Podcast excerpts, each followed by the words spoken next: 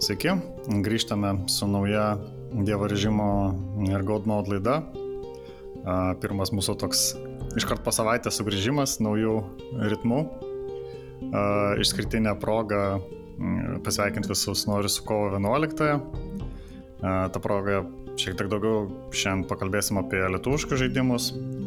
Kelias naujienas, turėsim interviu su Nordcurrent studija, o, o šiaip tai tokia, na, ganėtinai standartinė standartinis formatas e, apie naujienas, e, e, apie žaidimus pabaigoje, ką pažaidėm ir kokie yra mm, subscription servisų ar nemokamų servisų žaidimai. Dabar, kai kas savaitę eisim, tai galima bus taip, na, operatyviau sureaguoti, kokiu yra pasiūlymų ir apie juos papasakoti.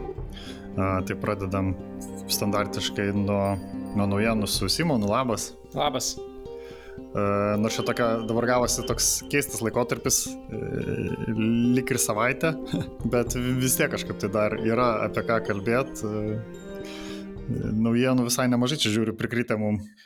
Jo, tai nežinau, kiek kurios tos naujienos, na, didelės ir svarbios, bet, bet kai nori kažką pakalbėti apie žaidimus, tai man rodos visą laiką tų temų galima susirasti. Um, tai na, turbūt jau čia tradicinė laidos rubrika apie... apie uh, kas ką nupirko. Kas ką nupirko, kas ką naujo, kiek pinigų išleido uh, iš didžiųjų kompanijų. Tai uh, šią savaitę yra naujiena apie tai, kad Epic, Epic Games, uh, didelė kompanija perkanti, tai yra kurianti um, Fortnite, uh, žaidimą, turinti savo žaidimų platformą ant e, asmeninių kompiuterių, jie perka žaidimų kurie Mediatonic, kuriuos turbūt geriausiai žinos žmonės iš jų naujausio hito, tai Fall Guys, toksai, na, pernai metais karantino žaidimas, e, toks smagus, multiplayer, gerietiškas. Prisijungia Mediatonikas į tą Epic tokią šeimą. Tai, na, įdomu galbūt dėl kelių priežasčių, jeigu, jeigu ne, nėra įdomu tai, kaip vystosi rinka, tai bent jau galbūt e, žaidėjams Fall Guys bus, bus įdomu. Na, tai, nežinau, man pirmas dalykas, kas užkliuvo, tai, e, kad Fall Guys kaip žaidimas yra na, sukurtas e, naudojant Unity variklį, o Epic, kaip žinia, vienas iš jų tokių pagrindinių vizitinių kortelių yra Unreal žaidimų variklis. Na tai gaunasi tokia kaip ir situacija, kad, kad e, nuo šiol Epic taip netiesiogiai rems savo konkurentą. Dėl, na, aišku, ten visi tie įsipareigojimai, turint Unity, naudojant Unity variklį, išlieka, ne, ne, nesvarbu, ar, ar, ar žaidimas Mediatoni kūriamas, ar, ar Epic. Tai, na, toks niuansas galbūt įdomus. O šiaip tai Nežinau, turbūt, turbūt uh, jeigu prisiminus paskutinį tokį didelį Epic pirkinį, kur jie uh, nusipirko kompaniją, kuriančią Rocket League, tai yra Psionics uh, Games, kurie na, ir dirba su, su Unreal varikliu. Ir, ir, ir grįžtant prie to paties Fortnite'o, nežinau, formuojasi galbūt toksai uh, naujojo Epico žaidimų kaip leidėjo, kaip, kaip studijų uh, brando balsas. Nes jeigu anksčiau Epic Games buvo žinomi už gana greitus, greitas šaudyklės su, su daug kraujo, su tokio daug purvo ir, ir, ir kriti tas angliškas toks žodis labai tiko jiems, tai dabar jų tam kaip tokiam katalogė tie flagmanai yra Fortnite, kuris tokį, na, turi gana, nežinau, kartūnį e, stilių. E, Rocket League, Fall Guys, du žaidimai, kur kaip ir nėra tokio na, žiaurumo, viskas, viskas paremta kitokiamis mechanikomis, uh, tai na, ta, tie žaidimai tokie tampa family friendly ir, ir Epic pati kaip kompanija, na, akivaizdžiai traukia į tą pusę, kas, nežinau, man bent jau uh, kaip uh, dideliam mėgėjui Unreal Tournament prieš daug metų, tai, na, gana, gana keista dabar Epica matyti e, siejama su, su būtent tokio tipo žaidimais. Man tai kažkaip, žinai, į ką panašu, kad uh, toks jausmas, kad vos ne kaip jie žiūri kaip konsolė, kaip platform holderis, mhm. uh, kažkaip pradeda priminti, kad vat, po, savim, uh, po savim formuojasi studijas ir formuoja tokią vat, kryptį nuoseklę. labai įdomu, kaip, nu, tarkim, nu, Steamas, tai jie ten viską leidžia. Taip, taip. Nesvarbu. O, o, o va, jie tokį įdomų, įdomų tarpinį formatą tarsi užima. Tarsi ir atvira parduotuvė, nu kaip atvira, pusiau atvira, ja. bet tarsi ir, ir holderiai e, studijų. Tai labai įdomu, kaip čia toliau vystysis. Matyti, jie mato, mato didelį potencialą tos rinkos, e, jaunesnių žaidėjų, family žaidėjų. Mm. Ir kažkaip jam tą, tą išlaikyti turbūt parduotuvę e, tikisi, kad padės, nes, nu, kaštai turbūt vis tiek dideli. Jo, be abejo. Na, klausimas, kiek, kaip ten tie finansai iš tikrųjų atrodo, nes Fortnite'as atrodo važiuoja kaip traukinys toliau į priekį ir, ir, ir nestabdo, galbūt kažkas paaiškės iš to teisminio proceso su Apple, e, išlys kažkokie skaičiai tikslesni to, e, bet jeigu kalbėt apie šito, šito įvykio, na, tokia trumpajam periode reikšmę, tai na, turbūt įdomu, kaip, kaip atsitiks su uh, Fall Guys kaip žaidimo prieinamumu ant e, Steam platformos, nes e, turbūt Rocket League žaidėjai prisimena, kad, kad žaidimas anksčiau pardavinėtas e, Steam'e, jisai dingo visiškai, ten jo jau nebegalima įsigyti, tiesa, jeigu, jeigu žaidėjai turėjo jį savo Steam account'e, tai, tai jie vis dar gali atsisiųsti ir jie gauna visus update'us, bet, bet na, žaidimas perėjo į tą free to play, į Epic e, parduotuvę ir, ir, ir dingo iš Steam. Tai, na, pirminiai tokie viešųjų ryšių pranešimai skelbė, kad lyg ir ne, kad, kad čia mes galim, mes labai norim maksimaliam kiekiu žaidėjų savo žaidimą daryti prieinamą, na, bet na, turbūt uh, biznio žmonės vėliau ateis ir, ir, ir šiek tiek pakoreguos tą kryptį. Gal prie pirkimų, e, tada dar viena greitai trumpa naujiena. Jo. Nes e, va ką tik gavau notifikationą ir e, Microsoftas kartu su Bethesda išleido trumpą klipuką tą progą, kad patvirtino jų susijungimą. ES, tai kaip ir viskas jau oficialu. Ir, ir dar buvo gandai vaikščiojo, kad tą progą irgi jie turėtų kažkada greitai padaryti kažkokį mini renginį, specifiškai tam skirtą. Mhm. Bet kol kas jie tiesiog tokį, nu, miksą, miksą visokių Bethesdo žaidimo vaizdų sudėjo ir pasidžiaugia, kad vat, mes kartu. Tai jo, žiūrėsim.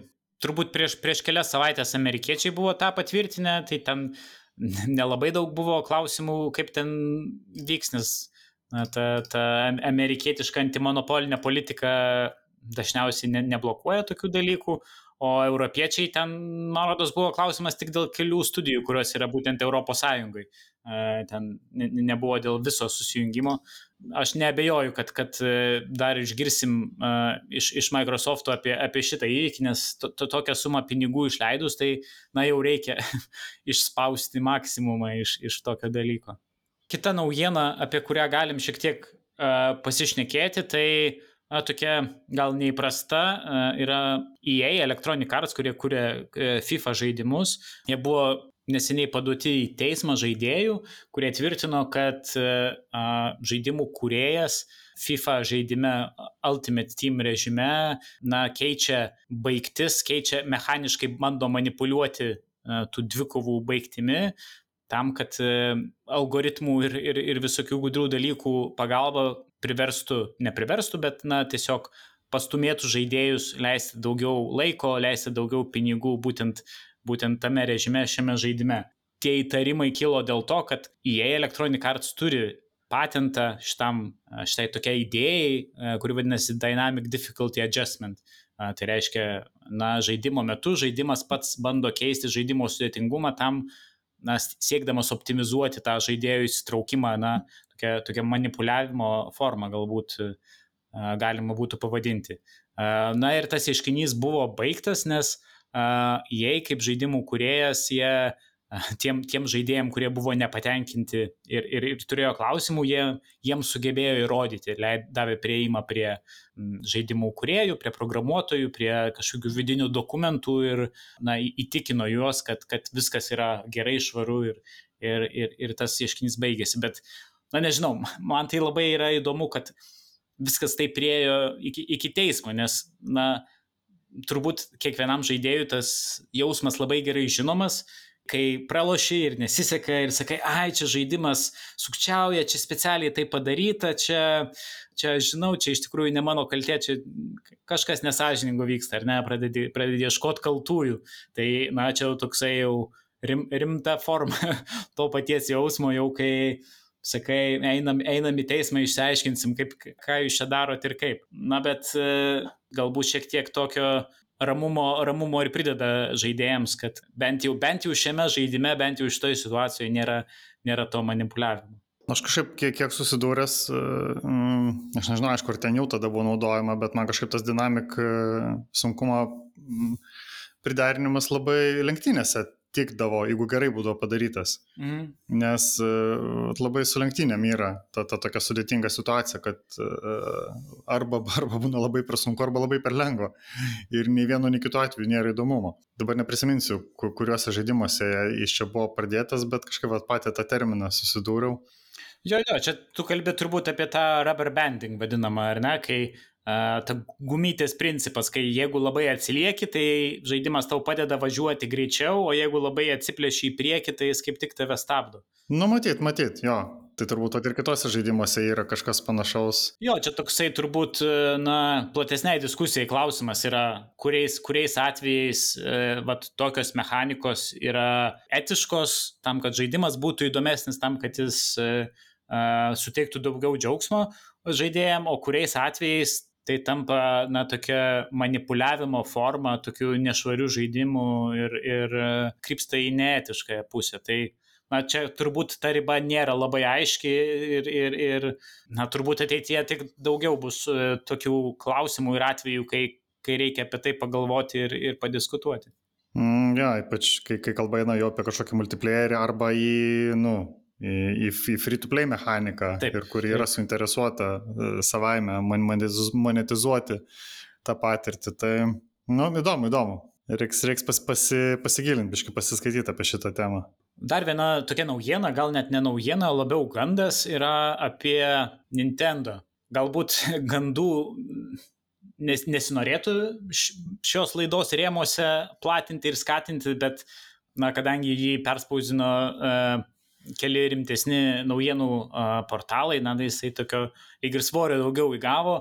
Tai aš kalbu apie gandus, e, jog Nintendo ruošiasi atnaujinti savo Nintendo Switch konsolę, išleisti naujintą jos versiją ir, ir konkrečiai tai, na, bent jau kaip skelbia gandas, tai e, ši naujesnė konsolės versija turės e, didesnį 7 colių OLED ekraną, tai čia toksai gana ženklus pagerinimas, nors rezoliucija lyg ir išlieka ta pati, kol, kol konsolė nėra priparkuota į tą, į tą savo vadinamą į dock, o būtent, na, įdėjus ją į tą dock režimą, kuomet jungiama konsolė prie, prie televizoriaus ar kito ar kito ekrano kažkokio, tai, na, gandai sako, kad lyg ir bus galima pasiekti 4K e, e, rezoliuciją. Na, tai čia toksai būtų visai, visai rimtas e, šuolis Nintendo Switch kaip konsoliai. Aišku, dideli klausimai, kaip, kaip jiem pavyks iš technologinės pusės visą tai išspręsti, nes, na, Switch'as niekada nebuvo labai stipri ir galinga konsolė. Aišku, nuo jos išleidimo praėjo jau keturi metai Tai turbūt vien, vien jau tas keturių metų progresas tikrai duos uh, naujesnė įranga, naujesni vidiniai komponentai konsolės tikrai jau duos kažkokį rezultatą, bet uh, na kol kas atrodo, kad bent jau tiems, kurie laukia šito uh, įvykio, to atnaujinimo, tai, tai na, išmušė ta, ta jų valanda, kad bus galima gauti šiek tiek didesnį, ryškesnį ir, ir galingesnį Nintendo Switch. Jo, čia labai įdomu, kaip, kaip bus su, su laiku, kaip jie yra suplanavę ir žinant kontekstą dabartinį, kad nu, iš vienos pusės tai nu, tikrai reikia anksčiau ir vėliau paskelbti ir pristatyti galingesnę konsolę, bet e, iš kitos pusės tai, kadangi nu, dabar to next gen konsolių labai sunku gauti, mhm. tai kažkaip suprantu, Switch'o populiarumas jis yra labai didelis ir jie viską išparduoda tai kaip ir jiem nėra būtinybės kol kas, e, bet iš kitos pusės dabar, e, dabar geras laikas jiem būtų pas, paskelbti ir, tarkim, nu, suplanuoti pasirodymą ten, nežinau, kitų metų pradžioj, kada nors. Dar čia e, siejasi matyti ir su, su žaidimais, konkrečiai turbūt su Zelda tęsiniu, apie kurį, visi, apie kurį jie nepakalbėjo per vat, nesenai vykusi Nintendo online renginį. Nu, ga, aš kažkaip įsivaizduoju, kad jie kartu tą paskelbs, nes tas pats buvo su Switch'u. Jo, čia dėl tų naujų žaidimų paskelbimo, tai nežinau, čia gal, galima taip šiek tiek nukrypti nuo temos, bet na, tai čia buvo tie keli renginiai, ar ne, Nintendo buvo a, toksai, na, tas Nintendo Direct. Kuklus, sakykime. komunikavimas pagrindinis, jo, toks kaip ir komunikavimas pagrindinis su jų fanais ir, ir, ir Nintendo mėgėjais, bet visi liko gana taip nusivylę, turbūt tikėjosi kažkokių uh, svarbesnių uh, anonsų uh, ir panašiai. Ir panaši situacija su Sony. Uh, irgi buvo neseniai, jie turėjo tą State of Play, tokią transliaciją. Na ir irgi turbūt pažaidėjus buvo didesni lūkesčiai, kad jie kažką naujo išgirs. Na bet man atrodo, kad mes čia dabar pradedam matyti uh, na, tos visos COVID situacijos pasiekmes. Nes jeigu pernai metais tie žaidimai buvo atidedami, jie buvo nukeliami keliams mėnesiams į priekį, tai vis tiek buvo žaidimai, kurie, kurių didžioji dalis jau buvo sukurta dar prieš pandemiją ir, na, ten jų tas finalinis kažkoks etapas uh, grinai žaidimo produkcijos ar, ar, ar testavimo, jisai ten užsitęsė, nusikėlė ir taip toliau, bet kai mes judam toliau į priekį, tai mes jau turbūt susidurėm su žaidimais, kurie dar buvo gana na, ankstyvesnėse stadijose ir kuriem daug sunkiau buvo įveikti tą nuotolinio darbo barjerą, tą uh, susikomplikavusią visą situaciją ir galimai, galimai na, niekas gal taip atvirai ne, neįvardins kiekvienam žaidimui priežastis, kodėl jisai ilgiau užtrunka ar trumpiau, bet, na, mano spėjimas tai toks būtų. Dar viena tokia liūdnesnė turbūt naujiena. Irgi rubrika. Irgi rubrika. Kas ką uždarė. Taip, taip, kas ką uždarė. Praeitą kartą kalbėjome apie Anthem, šį kartą apie Artifact. Tai žaidimo miša raidės yra prastas minuo. Na, Artifact, jeigu kas nežino, negirdėjo, yra Valve kompanijos mm, kurią visi puikiai žino iš, iš Half-Life, uh, Counter-Strike ir, ir, ir Team Fortress ir Dota kompanijos bandymas, na, sukurti e, skaitmeninį kortų žaidimą, na, kaip pavyzdžiui e, Hearthstone, e, Legends of Runeterra ir, ir panašiai. Tai jie įkūrė ant, e, naudodami savo Dota 2 e, pasaulį. Na ir šitas žaidimas po ilgo sunkaus kančių kelio priejo liepto galą ir, ir šią savaitę buvo paskelbta, kad žaidimas toliau uh, kuriamas uh, ir, ir vystomas nebus, nes po, po labai nesėkmingo žaidimo leidimo buvo paskelbta, kad, na, kardinaliai viskas pergalvojama bus, bus kuriama versija 2.0 ir, ir, ir bus daug labai pakeitimų ir, ir taip toliau, na, ir ta 2.0 versija taip ir, taip ir neišsipildė, iki galo ji nebuvo įgyvendinta bet abi žaidimo versijos tampa prieinamos visiems žaidėjams, nemokamai, su viską ten gali gauti iš karto, viskas atrakinta, na ir jie turbūt tiesiog tą žaidimą dar, dar, dar palaikys, na, serverių turbūt neišjungs. Valve dažniausiai, dažniausiai tokiu būdu atsisveikina su, su žaidimais, jų tiesiog neatnaujina, bet, bet palieka galimybę juos dar pažaisti. Valve žaidimo uždarimas po, po, po labai nesėkmingo, nesėkmingo kelio, tai Na, įdomus turbūt dėl, dėl dviejų priežasčių. Pirma priežastis tai labai kreiva ir šlieva na, studijos komunikacija turbūt. Tai jeigu kas yra pažįstamas su, su, su Valve, tai, tai turbūt čia nuostabos nesukels jokios. Visi gal dar prisimena kaip ilgą laiką fanai bandė išgauti kažkokią informaciją apie Half-Life žaidimo visos istorijos ateitį ir, ir, ir kur Half-Life 3 arba kur Episode 3 ir uh, kompanija buvo visiškai pasiemusi vandens į burną, su nieko nekalbėjo ir visiškai purtėsi, purtėsi spaudos, tai jie turi savo istorijoje tokį, na, visokias keistas komunikavimo strategijas, bet, bet su šitų žaidimų tai buvo turbūt, turbūt kažkas nematyto dar žaidimų industrijoje, kai kiekvienam žingsnį buvo, buvo, buvo labai, labai keisti sprendimai priimami, tai pradedant pačio žaidimo anonsu, kai buvo paskelbtas žaidimas a, didžiausios Dota turnyro, turnyro metu. Ir jeigu kas nematėt, galite įsijungti YouTube, pasižiūrėti, kaip, kaip atrodo nepavykęs žaidimo anonsas, kai pilna arena yra žmonių įkaitusių, norinčių kažkokio didelio anonso ir, ir, ir žiūrinčio tą pirmąjį teaser traileris, visi sulaikė kvapą ir tada pasi, pasirodo užrašas Dota 2 card game ir visi tie, nežinau, 10 tūkstančių žmonių giliai atsidūsta ir nusivilia ir tiesiog galima girdėti tą tokį nepasitenkinimą, kad tai nebuvo kažkas su Dota susiję, kad tai tapo kažkoks kortų žaidimas. Vėliau ta kompanija uh, buvo pažadėjusi, Valve turiu omeny, turnyrą, e-sporto turnyrą šitam žaidimui su milijono dolerių vertės prizinių fondų, kuris taip niekad ir neišsipildė, irgi buvo toksai bendruomenės tarpė tapęs visiškas pokštas, tai kur tas, kur tas milijono dolerių turnyras. Uh, uždavinėja klausimą žaidėjai, žaidime, kur šiuo metu online yra ten 2-3 žaidėjai kartais. Uh, tai na, tikrai komiškai. Ir jo, ir, ir pati kompanijas labai daug kartų kartojo, kad mes, mes esam, jie sakė, in for the long haul, tai reiškia, mes ilgam laikui čia, jūs nenusiminkit, mes pataisysim, mes viską padarysim, mes jūs girdim, mes jūs matom, mes stengsimės, mes norim, norim padaryti gerai. Na ir, ir, ir kai taip labai daug kartų kartoja ir galiausiai neišpildai, tai na, kažkokią reputacinę dėmę palieka. Manau, visai, visai Valve, nepaisant jų praeities nuopelnų tam tikrų. O šiaip tai, nežinau, tas, tas, tas Valve galbūt atrodytų uh, daug prastesniai situacijai ir, ir mes gal net ir galėtume nustoti kalbėti apie Valve kaip apie žaidimų kurieją, jeigu, jeigu ne pernykštis Half-Life Alyx, nes uh, be šito nesėkmingo artefakt yra dar Dota Underlords, kuris pernai bandė na, pasigauti tą autočias traukinį ir, ir, ir na, ant tokio populiarėjančio žanro užšokti su, su visa savo uh, ekspertizę ir, ir aukštą kokybę ir dideliu biudžetu.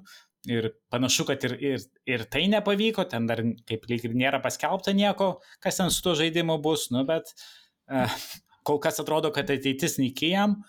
Uh, na, bet Half-Life Alyx lyg ir, lyg ir atperka tas tokias nesėkmes, tai buvo labai gerai priimtas žaidimas ir, ir, ir Richardai, tu jį uh, gyriai pas mus laidoje, tai na, jie turbūt suka tą savo didelį laivą labiau link vėl tokių single player uh, patirčių, single player žaidimų uh, ir, na, tokių populiarių žanrų vaikymosi, kaip, kaip buvo su Artifact ar Underlords, jie turbūt mažiau darys ateityje.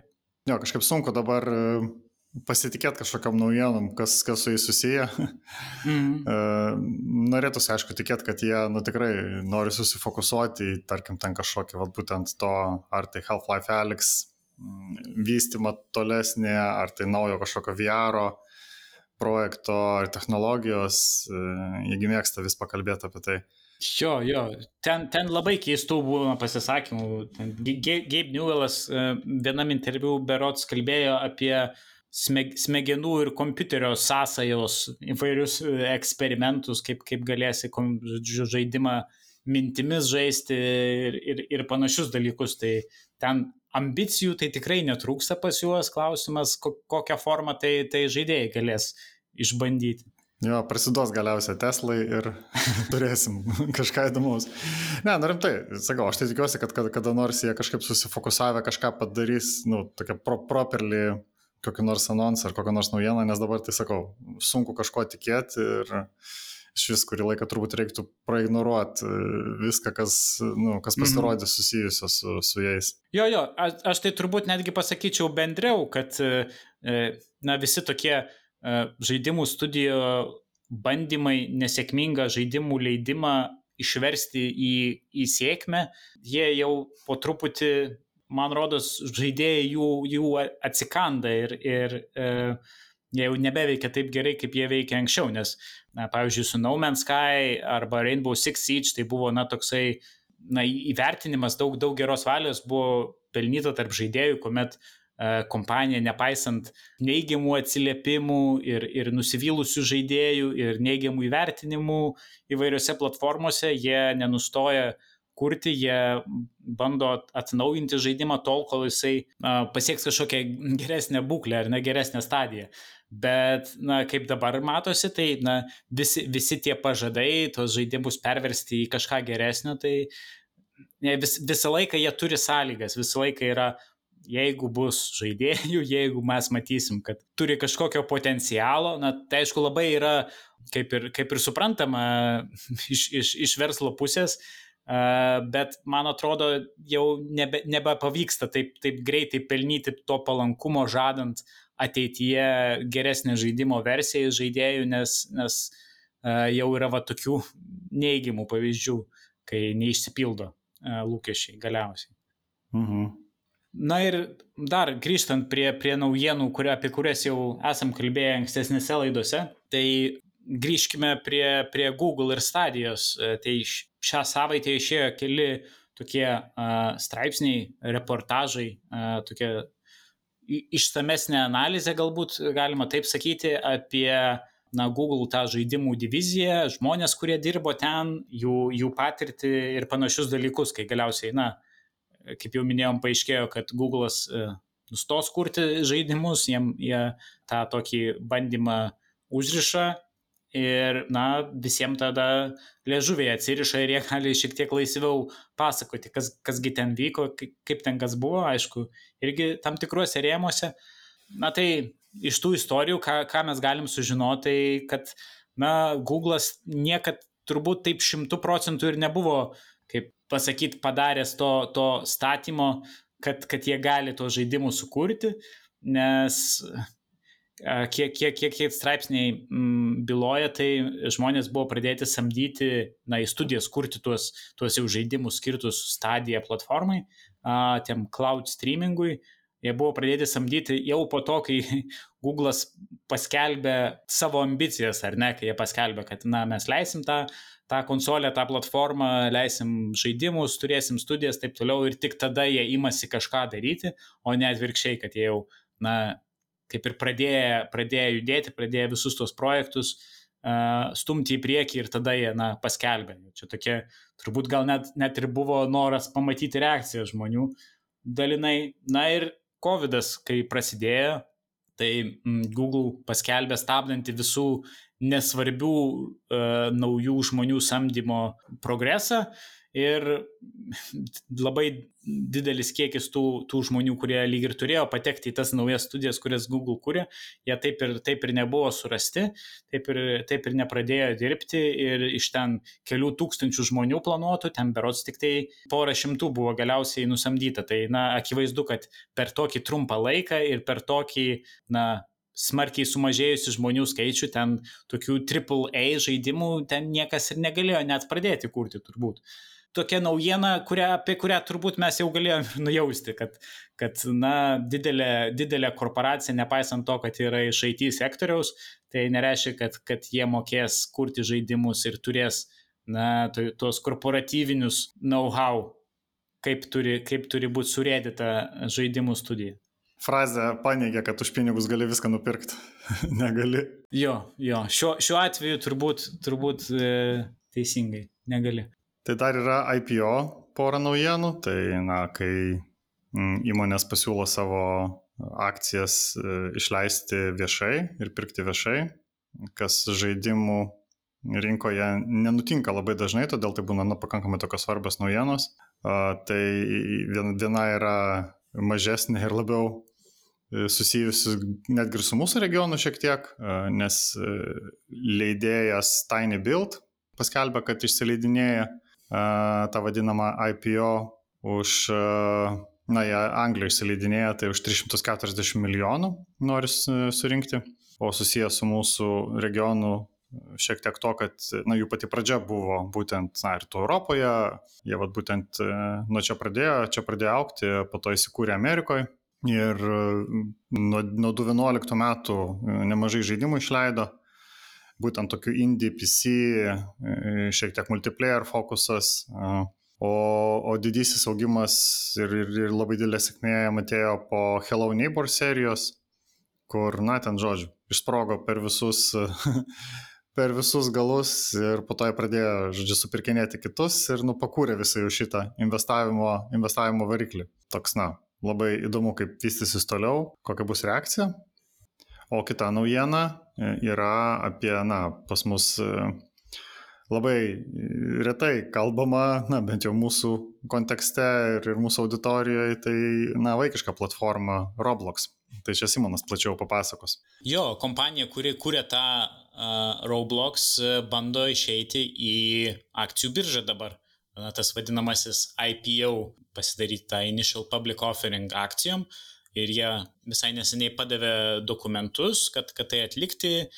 Ir, ir, na, tai ten tuose dokumentuose pasimato dažnai visokių niuansų apie žaidimo kompanijos dydį, sėkmę, jų visokius vidinius dalykus. Turbūt antraštė, kaip ir, kaip ir visur, būtų ta, kad ta prognozuojama kai kurių, kai kurių analitikų Roblox company vertė gali būti 37 milijardai dolerių. Tai būtų kompanija, kuri būtų didesnė už, tarkim, Unity ar, ar netgi kai kuriuos e, visai didelius žaidimų, žaidimų leidėjus. Na šiaip sunku biškai suvokti, prasme, e, visiškai nežinomas dalykas, tarkim, nu, mūsų amžiaus bent jau turbūt žmonėm. Jo. E, nes na, skirtas jauna auditorijai ir apie populiarumą galima turbūt spręsti irgi tik tai iš YouTube, kiek ten yra visko rodoma YouTube ir kiek visi kūrė to turinio. Bet kad va toks, na, tokia didelė kompanijos vertė, nu, tai reiškia, kad jie labai gerą verslo modelį yra sukūrę tenai. Kurio, kurio šiaip niekas, e, niekas nekopijuoja iš jų. Na, nežinau, gal ir kopijuoja, bet na, niekas kitas taip sėkmingai a, nesugeba to atkartoti kaip jie. Na, jų tas verslo modelis yra iš dalies pasitelkti kitus žaidėjus, kad jie galėtų kurti žaidimui turinį ir gauti dalį žaidimų gauna, uždirbamų pajamų, dalintis tomis pajamomis su, su kitais kūrėjais. Na ir taip organiškai išauginti sėkmingus uh, sėkmingus žaidimus pačioje savo toje uždaroje Roblox platformoje. Čia iš tikrųjų kaip ir geras būdas gal pabandyti pasimokyti, ką reiškia kurti žaidimą, tiesiog eiti tenai ir pažiūrėti, ką tie įrankiai duoda. Tokie kaip pirmieji žingsniai, kur sakau, net ir sėkmingai galima finansiškai iš to užsidirbti. Taip, taip, taip, va, tai nežinau, man tai, man tai asmeniškai įdomi šitą naujieną dėl to, kad, e, na, besidomint žaidimais, besekant žaidimų naujienas, atrodo, kad, na, antraštėse dominuoja Čia ar, ar Cyberpunk, ar kokie nors ten Riot su League of Legends, ar, ar pana, panašaus e, dydžio ir panašaus prestižo žaidimai. Na, bet iš tikrųjų toksai Roblox, apie kurį e, žaidimų spaudoje netiek daug yra kalbama, retai užsimenama, na, jisai kaip tyli keulė labai gilę šaknį išknisa ir, na, yra kartais net ir didesnis už tuos prestižinius žaidimus, apie, apie kuriuos mes daug kalbam ir daug skaitom. Tai tiesiog ta, ta auditorija galbūt prasilenkia su, su tais, na. Core gamers vadinamais. jo, jo. Nu jo, labai įdomu, žiūrėsim, kas iš to bus. Aišku, smagu, kad bet kokia atveju vėl žaidimai kaip po, kaip po rinka gaus šiek tiek daugiau dėmesio už savo ribų. Toliau turim porą lietuviškų naujienų, nors praeitą savaitę nekalbėjom apie jas, bet kažkaip nėra per daug tokių didelių įvykių bet porą verta paminėti. Tai vienas yra e, žaidimas, apie kurį jau šiek tiek kalbėjom anksčiau, pavadinimu Treasure Tile. Minėjom, kad jisai yra itch.io platformoje, jo tokia kaip demo versija išleista, o, o dabar jau žaidimas e, atidarytas žaidimo Steam puslapis. Mm, tai čia yra tokios, na, saliginai naujos, bet iš patyrusių žmonių suformuotos e, studijos Golem House projektas, kuris yra toks kaip, na, visas iš plitelių sudėliotas e, pasaulis ir visi veikėjai ir visi daiktai. Ir jis toks kaip, na, hack and slash e, RPG. Tai toks vienas iš ambicingesnių atrodo iš dabar kuriamų lietuviškų žaidimų, tai verta sekti, pažiūrėti, kas bus, na ir pabandyti vėl, jeigu dar nepabandėt per įčiojo. O kita yra su mobiliai žaidimai susijusi naujiena.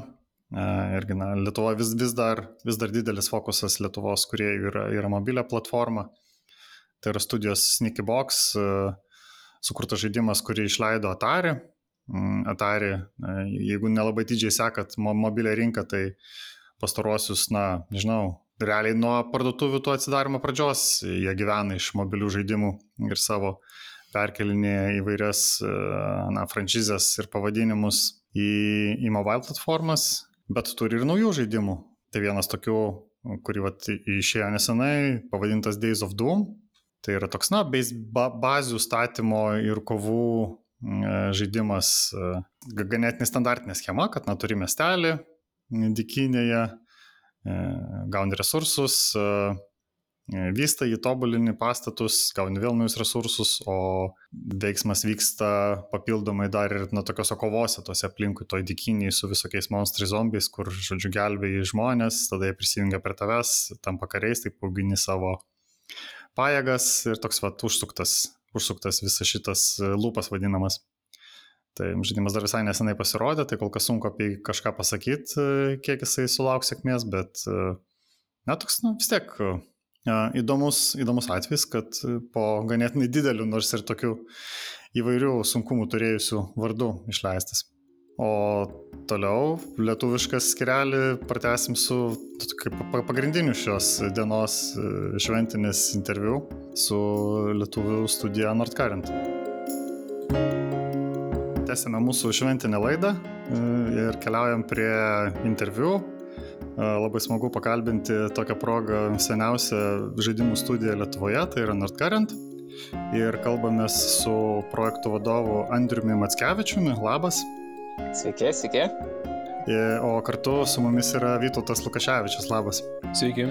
Kalbamės dėl, dėl progos, kadangi na, keliose laidose ankstesnėse minėjom, kad Nordcurrent išleido ne pas mus sukurtą, bet užsienį sukurtą PC žaidimą Ocean's Heart Tai buvo labai įdomu pasižiūrėti, kaip jiems sekasi ir, na, šiaip kas vyksta studijoje.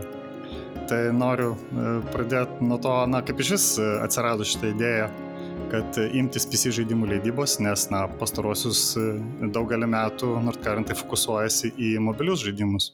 Ja, tai Nordcurrent šaknis prasidėjo vis tiek nuo, nuo žaidimų kūrimo PC ir konsolėms, tai, tai šitas žingsnis, galima sakyti, buvo pusiau grįžimas prie savo ištako, dalinai panaudojant turbūt visas per daug metų sukauptas žinias, kaip užsimti žaidimų marketingo globaliu mastu. Tai manau, iš esmės šitų sprendimų leisti pačius žaidimus, padėti kitiems, tai susidėjo trys punktai. Tai manyčiau kad pirmas tai būtų noras kažką daryti naujo kaip įmonė nes su mobiliais žaidimais jau dirbom ilgą laiką ten įgavom nemažai patirties. Tai tuo pačiu norisi kaip minėjau daryt kažką naujo bet daryti tai veikloje kurią tu išmanai ir apie kurią turi daug žinių antras punktas mano būtų noras padėti indie kūrėjams. Tai čia mano būtų iš dalies iniciatyva nes aš kaip didelis indie žaidimų mėgėjas šiuo dalyku džiaugiuosi rūpinuosi. Tai tai man čia yra asmeninis džiaugsmas nes kai darom žaidimų atrankas aš išsibandau dabar ir būsimus žaidimus ankstyvose stadijose. Ir vėliau juos dirbant jau tiesiai jaučiuosi prisidedantis prie žanro populiarinimo ir paskutinis punktas būtų turbūt toks pragmatiškas tai iš verslo pusės tai portfolio diversifikavimas kad kad turėtume kuo įvairesnes paslaugas kaip įmonė kurią siūlom. O kiek jau laiko na prieš kiek laiko pradėjot apie šitą idėją galvoti? Ir kiek užtruko tas visas suformavimas sakykim to PC padalinio kaip čia pavadint? Tiksliai negaliu pasakyti kiek gimė jau kitų žmonių galvose bet nuo kiek aš esu įtrauktas tai nuo 2020 metų ankstyvo pavasario kažkur. Tai tos kalbos jau buvo prasidėjusios dar truputį anksčiau, tai turbūt geri, nuo dabar jau virš metų laiko, kai pradėjom apie tai galvoti ir, ir nuo kažkur gegužės birželio mėnesio jau labai smarkiai ties to užsiemėm ir pradėjom jau rimtus darbus. Man tai įdomu, pavyzdžiui, e, kaip vyksta tas pats, na, pradinis etapas, e, turbūt čia gal, nežinau, kiek galima sakyti, kiek ne, bet e, ta vat pradinė atranka žaidimų, kaip kuriejai susitinka su leidėjais tam pradinėme etape, iš ko ir kaip atsirenkama, ar yra kažkokia, nežinau, bazė, pūlas, kur dalyvauja visi, kas nori, ar, ar kažkaip headhuntinimo principų vyksta iš vienos ir kitos pusės. Na tai dabar dėl, dėl pandemijos tas pats procesas truputį truputį panobodėjęs ir pasikeitęs, tai seniau tam būdavo nuo visokių GDC parodų iki ten lokalių visokių.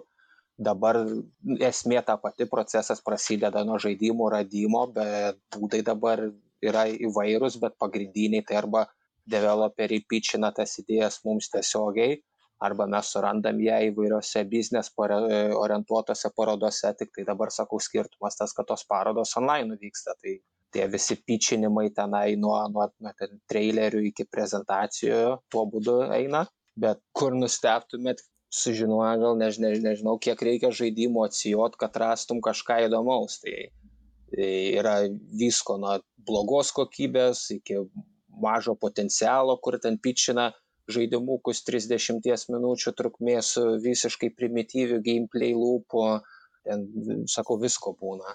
O radus jau patį žaidimą, tai atsirinkimo procesas irgi gan paprastas, tai tiesiog jį išbando dizainerių žaidimo komanda, duoda feedbacką pagal įvairius mūsų kriterijus, tai tarkim, ar pats žaidimas yra smagu žaisti, ar turi kažkokių įdomių naujų mechanikų, ar yra kokybiškas tuo metu ir ar ma ma matom jo galimybę tapti kokybišku, kai, kai jau bus baigtas. Ir tada žiūri visas tas sudėdamasias dalis ir sprendi, ar tau atrodo, kad bus įdomu dirbti su tuo žaidimu, nes ir, ir tai yra nemaža dalis to ir ar, ar matai žaidimų pardavimo potencialą. O dabar, Andriu, taip atrodo, nu vis tiek pačiam teko jau ne vienam tokiam sudalyvauti, na, susitikime, parodose ir turbūt ne vieną tokį pitchą potencialų esi matęs ir girdėjęs, tai gal gali pasidalinti, kokie, pavyzdžiui, yra trendai tarp žaidimų kuriejų, na, kurdami jie žaidimus, į ką orientuojas, kokios temos dažniausios, ar kokie žaismo elementai, dar kažkas. Žinok, labai įvairiai yra, kaip minėjau, nu, nu, nustebtum sužinojęs kiekius, kiek jų iš tikrųjų yra, kai žmonės skundžiasi, kad dabar daug žaidimų išeina, tai jų neišeina dar penkis kart turbūt daugiau, tai tiesiog tos trendus kūrimo pasakyti gan sunku, tiesiog turbūt kaip ir pirkime, aišku, kažkiek matosi, tai tenai visokie survival žaidimai, crafting tipo, tipo žaidimai, bet bet kaip ir minėjau ir jų tenai dažnai kokybė būna keista ir ir ir ir sunku su su su tokiais būna sudirbti Mm. Bet būna turbūt tokiam bangom užeina, kad jeigu išeina koks nors geras žaidimas, ten, e, tarkim, ir indį, kur labiau prasimuša daugiau žmonių, ten, nu, kad ir su kraftinimu, pavyzdžiui, susijęs labai vykęs būna žaidimas, daug žmonių susisiunčia ir paskui prasideda klonai arba į tą pusę kažką, pavyzdžiui, kaip Among Us dabar labai šovi viršų, tai nebūna, kad tada iš karto padaugėja e, panašių temų, panašių krypčių. Jo, kažkiek būna, bet, nu, vat, apie va, tokius, e, kur, kur dabar pandemijos metu iššovė, tai čia Mongas, Fall Guys ir panašiai, tai dar sunku sakyti, nes, e, nu, taip, taip greit patys žaidimai nesikūrė, tai čia turbūt po kokių metų ir panašiai pamatysim jau šitų žanrų atsiradimą, bet sakau, dabar jeigu pagrindai, jeigu žiūrinti madas, tai pagrindiniai tokie tendencingi žaidimai, tai būtų survival, crafting tipo žaidimai kaip Stardew Valley, Volheim ir panašus. O kaip tada patys nusprendėt, vat, būtent į Ocean's, Ocean's Heart uh, pasukti, ar būt, pasirinkti būtent šį žaidimą, kas paskatino? Na, paprastai tai matėm tame žaidime potencialą, kaip ir minėjau, praėjus tos visus kriterijus, tai žaidimas atrodė smagu žaisti, gražus pažiūrėti, darytas Zelda auditorijai, kuri yra didelė ir darytas kaip vienas Zelda fano darbas kitiems Zelda fanams tai tai tiesiog pažaidžius matėsi žaidimo kokybė ir buvo tas kitas faktorius, kaip ir minėjau, svarbus, kad būtų mums patiems įdomu. Tai mūsų žavėjo pati žaidimo atsiradimo istorija, kad visą Ocean's Heart sukūrė vienas bičias, tai vardu Max Mraz. Tai čia toks savotiškas Norkūrento Erik Baraun. Ir jei kažkas nežino, tai Erik Baraun tai žmogus, kur sukūrė Stardew Valley ir aišku aš žinau kad tokių pavyzdžių galima ir daug rasti kur kur vienas žmogus kažką padarė bet man vis tiek keista ir smagu matyti kai vienas žmogus programuoja nupiešia muziką padaro tiesiog vienas tą apjungia visą į kažkokį kūrinį. Ir ir ir tas pats maks mrazas dar yra padaręs tokį smagų nedidelį bloodborne pixel grafikos demake'ą vadinasi Yarntown ir nemokamai jį itch.io platformai galima atsisiųsti ir pasibandyti, jei kažkam įdomu. Tai dar, dar fun factas, čia irgi prie, prie, prie Taušins Hartą, tai aš pats Zelda gyvenime niekad nežaidžiau, tai nes mano pirma rimta konsolė buvo Sega Genesis, paskui sekė PlayStation, PlayStation 2, va, PlayStation žurnalų skaitimas ten ir taip toliau tai kažkaip prasprūdo ta ta zelda serija pro mane ir čia gavosi kažkaip kaip ir pirma pažintis tokia per aplinkui. Šiaip su zelda tai čia geras tapimas, kad gi, kaip tik nesenai čia sukako 35 metai nuo pasirodymo. pernai, pernai Mario atšventėm 35 metus, o šiemet Zeldas. Jo, tai, tai va dar apie tą 35 gimtadienį, tai va Gaming Industry.biz buvo padarę ten irgi straipsnį, pasiskundė, kad Nintendo visiškai tam dėmesio neskyrė. Tai mūsų žaidimas Ocean's Heartas buvo paminėtas prie vieno iš kelių kandidatų, kur, kur kaip geras toks omaž tai tai serijai padarytas. Na, smagiai. Ja. O tai apie patį žaidimą, gal Vyto, tai tu, pirmiausia, tavęs paklausiu, tu jį peržaidai nuodugnį, aš šiek tiek pasibandžiau, bet uh, vis tiek, man atrodo, tu, tu daugiau laiko tam skyri, kaip to įspūdis ir šiek tiek papasakok apie ką tas žaidimas. E, jo, žaidžiau jo e, tikrai daugiau, gal kokį pusę, m, mm, jeigu neklystu, bet e, pirmas dalykas, nuo tokio norėčiau gal pradėti prologo, kad ten apskritai šiandien man taip atrodo, kiek pats žaidžiu, žaidžiu pakankamai daug, labai, labai madinga apskritai grįžti atgal ir e, tarp žaidėjų ir tarp kuriejų e, eiti eiti prie žaidimų, kur inspiravo viską, atsiprašau, nuo kurių prasidėjo daug serijų, daug žanrų gal netgi. Tai šitas atvejis irgi, man atrodo, toksai yra, kur e, grinai žaidžiama ant nostalgijos ir žaidžiama sėkmingai. Ir kodėl aš tai akcentuoju, nes e, labai daug tenka pabandyti žaidimų, kur ir nėra labai vykę tokie bandymai, nors e, matosi kryptingas įėjimas į tą pusę. Tai vienas pavyzdys tik ką išėjęs yra Taxi Chaos. E, žaidimas, kuris paremtas, na, neparemtas, o praktiškai klonas yra kito labai garsaus žaidimo Crazy Taxi, kuris prasidėjo arkadose, paskui persikėlė į turbūt visas įmanomas konsolės namų tuo metu. Ir, na, tas klonas yra konkrečiai nevykęs, nes tu žaidži ir tau kelia netgi neigiamas emocijas, nes tu matai, kad be meilės buvo padarytas tas klonas, o tik tam, kad pavažiuot ant žinomo vardo ir galbūt žinant nostalgiją ir kaip jinai veikia žmonės, pasim daugiau žaidėjų savo. Bet tuo tarpu, vat, būtent Ocean's Heart atvejais, e, čia aišku mano nuomonė, bet man atrodo, kad padarytas visiškai kitaip. Irgi principas galbūt tas pats į tą pusę eita, kad paimtas e, garsų žaidimas ir inspiruota, bet um, Maksas vis, visiškai kitaip jį kūrė, įkūrė labai daug savęs įdėdamas ir tuo pačiu uh, tai buvo lygiai kaip meilės laiškas fanams Zeldos, nes daug dalykų yra tokių subtilių, kur jeigu tu žaidėjai Zeldą, tai tu juos atpažinsi, bet pamatysi, kaip jis juos subtiliai ir pakeitė ir padarė savaip. Tai tas atpažįstamumas yra labai fainas faktorius ir pridėtinė vertė bežaidžiant tu žaidi žaidimą, kaip ir matai, kad jis yra naujas, kitoks, e, matai pagrindą, matai inspiracijas, bet tuo pačiu matai ir kaip sumanėjai, kuriejas nueina kitais savo keliais, palikdamas tokius trupinius, jeigu žaidėjai Zeldas, tai jais sekdamas atrasi, kur jis nori nuvesti ir ką jis nori pasakyti. Tokie dalykai yra labai subtilūs ir va aš norėjau ir Andrius klausti, kaip tas pats atrankos procese, na, e, vis tiek kai kurie žaidimai yra ilgi, tai kiek jūs laiko skiriat vis tiek išbandymui, atradimui tam tikrų dalykų, elementų žaidime ir kiek daug komandos narių žaidžia. Ar čia tik tai keli žaidžia, ar pavyzdžiui, jeigu pažaidžia keli, kurie testuoja, tai paskui ir kitiems duoda ir ten jau didesnė dalis įmonės peržaidžia. Bandant tuos žaidimus, tai iš pradžių tas pradinis etapas būna mažesniam žmonių rate, tai, tai, tai išsibando ten, sakyčiau, apie iki dešimties žmonių, apie dešimt žmonių kažkur komanda tą žaidimą, o dėl laiko trukmės tai, tai dažniausiai na, mes bandom ankstyvo žaidimo versijas, tai tos vadinamosios early alfa visokius bildus, tai jie būna to, to, toli gražu iki užbaigto produkto ir tenai, na, dažniausiai net norint ilgiau nepažais, jie būna padaryti, kad tiesiog būtų kažkokia žaidimo dalis. Tai iki valandos, dviejų valandų maksimum, kokį man teko matyti bildą tai tai tiesiog iš trukmės pusės tenai jie būna jau patys iš savęs padaryti kad tu daug laiko nesugaištum norėdamas pamatyt visas mechanikas kurias gali pasiūlyti žaidimas. Aš kažkur skaičiau internete ir aš taip ir likau nesupratęs, ar čia tik tai toks gandas, ar čia toks tiesiog na, išpūstas burbulas, bet um, skaičiau, kad Maksas, kai kuria žaidimą, jisai uh, iš pradžių, kai pradėjo, nelabai ir mokėjo programuoti ar kažko tenais daugiau su žaidimų kūrimo daryti, tik tai turėjo mintį susigalvojęs ir paskui eigoj išmoko ir programuoti kiek jam reikėjo, ir muziką pats sukūrė ir taip toliau. Tai čia tiesa. Jo, tai buvo viskas taip, kad Maksas pats yra baigęs su muzika ir mokėjo piešti, bet nemokėjo visiškai programuoti tai turėjo tiesiog norą tą išmokti ir ir ir kaip priemonę tą mokytis paskyrė kad būtų kažkaip didesnis stimulas tą daryti savo mylimą žaidimą ir ir pagal jį kažkokį templeitą kaip sukurti galutinį produktą tai tai tiesiog kaip ir minėjau turbūt smagiau mokytis kai tikslas yra tai ką padaryti ką ką tu myli iš tiesų.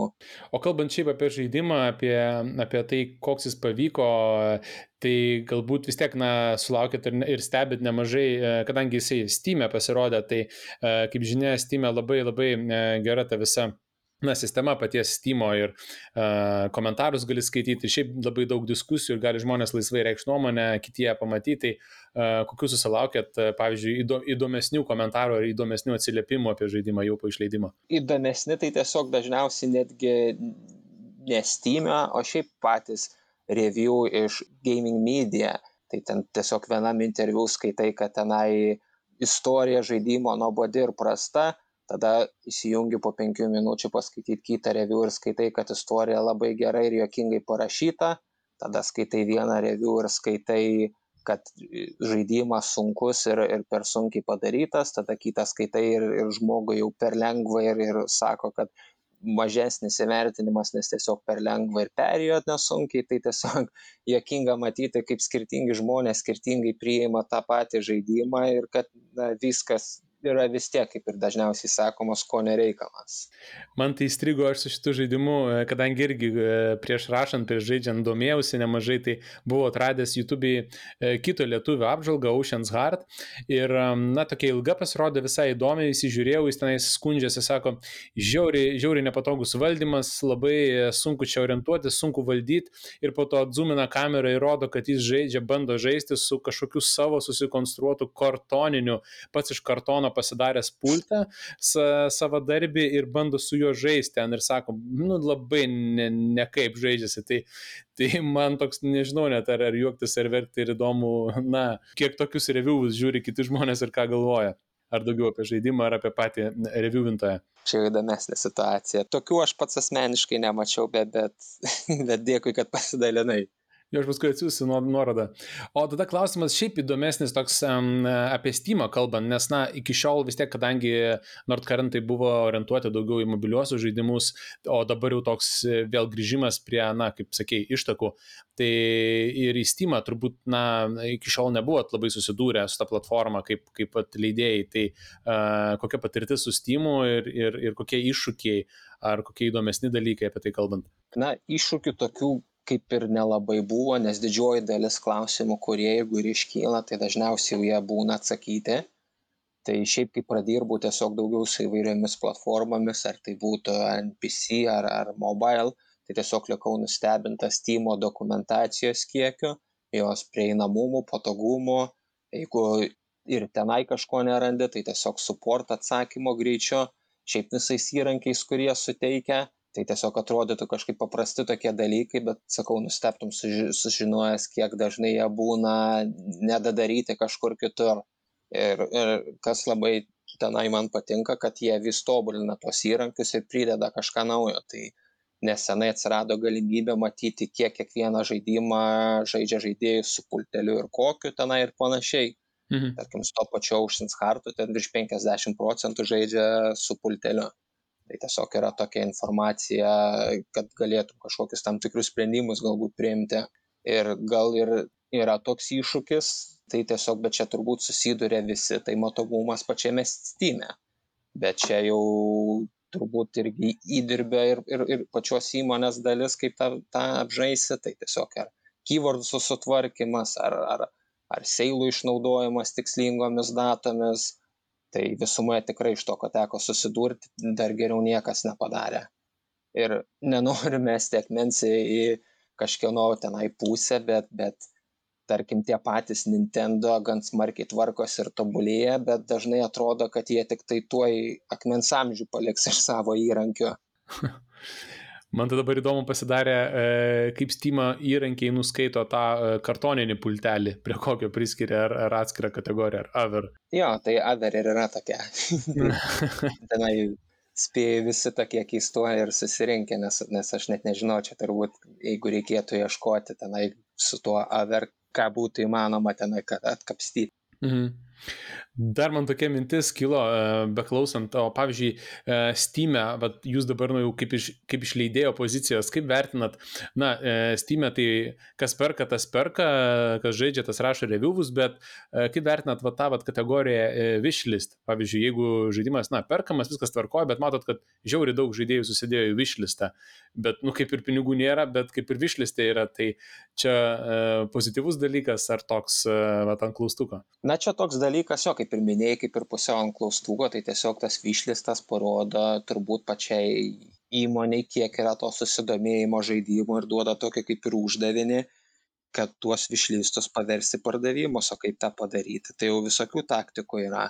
Ar daryti long term kažkokius update'us žaidimui, kad, kad tą žmogų patraukti, ar samdytis kažkokius tenai streamerius ir tikėtis, kad ten ta tikslinė dalis juos žiūri ir kad pamatys tenai žaidimo kažkokias dalis, kurie sugundys juos nusipirkti, ar, ar, ar seilus daryti, tai aš tai nežiūriu į tą kaip blogą dalyką, aš tiesiog sakau, žiūriu tiesiog jau tokį tikslesnį rodiklį, kur gali pasižiūrėti, kiek yra potencialių pirkėjų tavo žaidimui. Mhm. Nu ir paskutinis klausimas, bent jau iš mano pusės apie Ocean's Heart, šiaip įdomu, ar jau galima laikyti tą etapą, kai jau vat, viskas launchas baigėsi ir jau dabar jau prasideda kitas etapas, jeigu taip, tai šiaip įdomu, kaip vertinat, ar sėkmingas launchas, ar esat patenkinti e, šitų sprendimų, šitų žaidimų ir kaip jiems sekasi. Tai jo, tas žaidimo startas, kaip ir jau galima sakyti, jau jau senokai pabaigtas, nes ten toks nu, irgi savotiškas procesas, kad e, žai, žai, žaidimo startas būna, bet tavo darbam kaip ir, ir pabaiga. Tai iki žaidimo starto tenai likus kelioms dienoms daug darbo, ten viską sutikrinti reikia ir panašiai, o išėjus jau tenai seki tik tai reviewsus, žiūri tenai žmonių feedbacką, komentarus visokius ir panašiai, tai toks bittersweet jausmas būna, kai pradirbus tenai man septynis mėnesius, tai sunku įsivaizduoti, kaip developeriam būna, bet pats pasirodymas tai tikrai geras, patenkinti esam. Jeigu, sakau, stebėti ir kalbėti apie tuos pačius višlistus, tai per pirmą savaitę mes surinkome kažkur 50 tūkstančių, kaip tokiam žaidimui, kurio šaknis ir žaidėjų bazė yra ne, ne, ne PC, tai gan didelis skaičius per tokį laiko tarpą o dabar toliau dirbam behind the scenes te, te žaidimų, išleidom nesenai naują pečą, kuris ten sprendė pagrindinės problemas, bagus, pridėjo visokių featuresų ir judėsim toliau. O kaip pats kuriejas jaučiasi, Maksas, e, kaip jam įspūdžiai, kaip jam jausmas, vat, kai baigėsi tikrai ilgas procesas, tikrai ilgesnis gal netgi negu jums ir e, kokios mintis pas jį, kokie planai, jeigu pabendraujat? Jo, pabendrauti, tai pabendrauti, bet jam aš nežinau, ar jis nu, labai tą kūrimo proceso pabaigą pajutė, nes jis tiesiog realiai pridavė vieną bildą ir iš karto pradėjo vos nedirbti tenai ties feature su naujų pridėjimų, pečų tenai leidimų ir panašiai. Tai turbūt jam vienintelis, kas buvo, kad, kad pradėjo matyti, kaip jo kiti žmonės priima tą žaidimą ir tenai tada jau, jau interviu visokie ir panašiai tai iš tos pusės tai jis labai patenkintas, bet sakau, iš developinimo pusės tai skirtumo, kiek šnekėjom, nelabai jautėsi. Man čia įdomus tik tas momentas, e, kada jau kuriam, kuriam etape vat, po išleidimo e, prasidės mintis pasi, jeigu prasidės apie Ocean's Heart 2, pavyzdžiui. Na čia, žinok, neįsivaizduoju, nesakau, su žaidimu dar yra įvairių planų ir mm. šitų, tai dar, dar, dar apie ypač antrą dar tikrai anksti kalbėti. O kaip dėl bendrų studijos planų, e, ar kažkokias, na, platesnės išvadas darėtės jau po šito starto dėl, dėl studijos fokuso, dėl diversifikacijos, e, ar dar anksti kalbėti? Kas liečia, jeigu apie PC, tai tai pagrindinis planas plėstis kažkaip vis tiek. Norisi, jeigu jau kažką pradėjai daryti, tai daryti gerai ir daryti toliau. Tai kaip ir minėjau, tas Ocean Hard darbai ir naujienos nesibaigė, tai stay tuned, tikrai dar bus naujienų ir tada jau pradėjom darbus ties kito žaidimų leidimo. Jis bus labai meniškas, gražus, unikalus art stylas. Iš žaismo pats žaidimas toks kaip ir Inside ir Little Misfortune mixas. Oho. Bet daugiau dabar negaliu pasakyti, tai tik tiek. Ir nesenai dar pasirašėm dar vieną kontraktą, bet nuo jo dar netrašalas turbūt nespėjo nudžiūti, tai dar kol kas nesiplėsiu. Bet kaip matot, naujienų bus ir dar ne viena. Na, tai labai, labai fainai, lauksim tada žinių. O kaip pati studija, e, kokia situacija dabar, kiek dabar žmonių pas jūs dirba ir e, kokius dar žaidimus darot? Mobilas vis tiek lieka dar kaip, kaip fokusas. Taip, taip, mobile irgi tikrai lieka vienas pagrindinių įmonės fokusų, tai, tai jeigu kalbant apie įmonės kiekį, tai, tai žmonių dirba virš šimto ir dar turim padalinį Odesoje, tai ten irgi nemaža dalis yra o kas liečia mobile segmentą, tai nesenai kaip tik išleidom Cooking Feverio, mūsų garsiausio žaidimo įkvėptą e, žaidimo pavadinimu Airplane Chefs. Tai irgi yra tai management žanro žaidimas kaip ir Cooking Feveris. irgi paremtas maisto gaminimo tematika, bet skirtingai nuo jo viskas vyksta keliaujant aplink pasaulį ir maistą tiekiant lėktuvuose. Tai jeigu kažkas mėgsta tokio žanro žaidimus ar kam patiko Cooking Feveris, tikrai išbandykit. Ir kalbant apie, apie, apie Cooking Feverį, dar, dar vis prie jo grįžtam, tai, tai, tai jam toliau leidžiam naujas lokacijas, naujus update'us ir tuoj švesim 350 milijonų atsisintimų jubiliejų o toliau stipriai dar palaikom ir kitus žaidimus, tai PvP savo shooterį Sniper Arena, toliau su, su Murder in Valves dirbom, tai mūsų irgi labai gražus artistiškas adventure tipo žaidimas, tai tai va pagrindiniai dalykai būtų tokie. Ir va dar prisiminiau su Murder in Valves, irgi už, užnekėjau kuriozų visokių būna smagių, tai galiu irgi pasidalinti, jeigu įdomu, kad E, ten yra pagrindiniai personažai keli, Ana e, ir, ir, ir, ir nesenai atsirado tenai kitas ir jisai tenai kaip ir tarp jų užsimesgė kaip ir meilė. Ir kadangi tie personažai pačiame žaidime aplinkiniai vis miršta, tai susilaukiam grasinimų, kad nebandytume nužudyti jos meilės objektų, nes patiems blogai baigsis. tai tikėsimės, kad viskas bus gerai ir mum, ir, ir, ir, ir žaidimui pačiam. Na, čia tas atvejs, kai fanai nori perimti uh, kūrybą, nu, tarsi netiesiogiai. Ja, ja, tai va, tai tikimės išleisti šiaip dar kelis naujus žaidimus šiemet iš mobilo pusės, tai kam įdomu tikrai sekit Nordkurento naujienas Facebook ir Twitter'į ir ten bus informacijos ir apie mobile mūsų žaidimus ir turbūt apie planus toliau leisti PC. Nors, nors kalbant irgi apie leidybą, tai mes neapsiribuojam savęs PC, mes tiesiog skaitom kaip leidėjais ir jeigu tik tai bus galimybė, turbūt plėsim ir, ir, ir kitus segmentus konsolės ir taip toliau. O man dar labai įdomus buvo klausimas, na čia šiek tiek dar grįžtant prie mobilų. Uh, vis tiek, na, Nordcurrent yra išleidę tokių jau, na, tikrai pasaulinių žaidimų telefonam, kur yra atpažįstami įvairiose pasaulio šalyse, turbūt ir, ir na, tapę tokiais jau ilgalaikiais hitais, tai tas pats Cooking Fever, tai man klausimas toksai galbūt, ar yra kokių nors kuriozinių situacijų ar įdomesnių situacijų su uh, tuo, kaip tas žaidimas paskui gyvena savo gyvenimą savarankiškai, ar kažkaip fanai veikėjus e, piešia, ar dar kažkaip, nes pavyzdžiui dabar va, tas atvejis, kai uh, Rusijos turbūt viena garsiausių atlikėjų Zemfira išleido savo albumą ir uh, ten viena daina yra visiškai skirta uh, kito mobilaus uh, žaidimo Gardenscapes uh, veikėjui Ostinui ir visa daina apie jį. Tai kaip ir dar didesnio dėmesio gavo dabar tas žaidimas, kadangi jinai ten garsi labai yra ta dainininkė. Tai klausimas, ar kažko panašaus yra buvęs su Narkrantų žaidimais mobiliaisiais arba jų veikėjais. Bet tai vat, mano tas va, labai geras pavyzdys minėta atveju, kai fanai tenai vos nerašo peticijas, kad, kad nenužudytume veikėjų ir kad ten jų meilė toliau tęstusi toliau vis gaunam papildomų tenai patys žmonės, kai tenai kažką piešia su žaidimu įkvėpta. Yra tenai atveju, kai, kai darė kažkokias lėlytės irgi. Paskutiniu metu buvo su Cooking Feveriu viena moteris įkvėpta žaidimo receptų pradėjo patiekalus visus daryti ir tenai dalinti su mumis nuotraukomis, kurie patiekalai pačiame žaidime yra. Tai tiesiog tokių vis tikrai atsiranda žmonių, kurie žaidimą perkelia į gyvenimą ir kažkaip vis dalinasi to su mumis, tai tikrai labai malonus jausmas.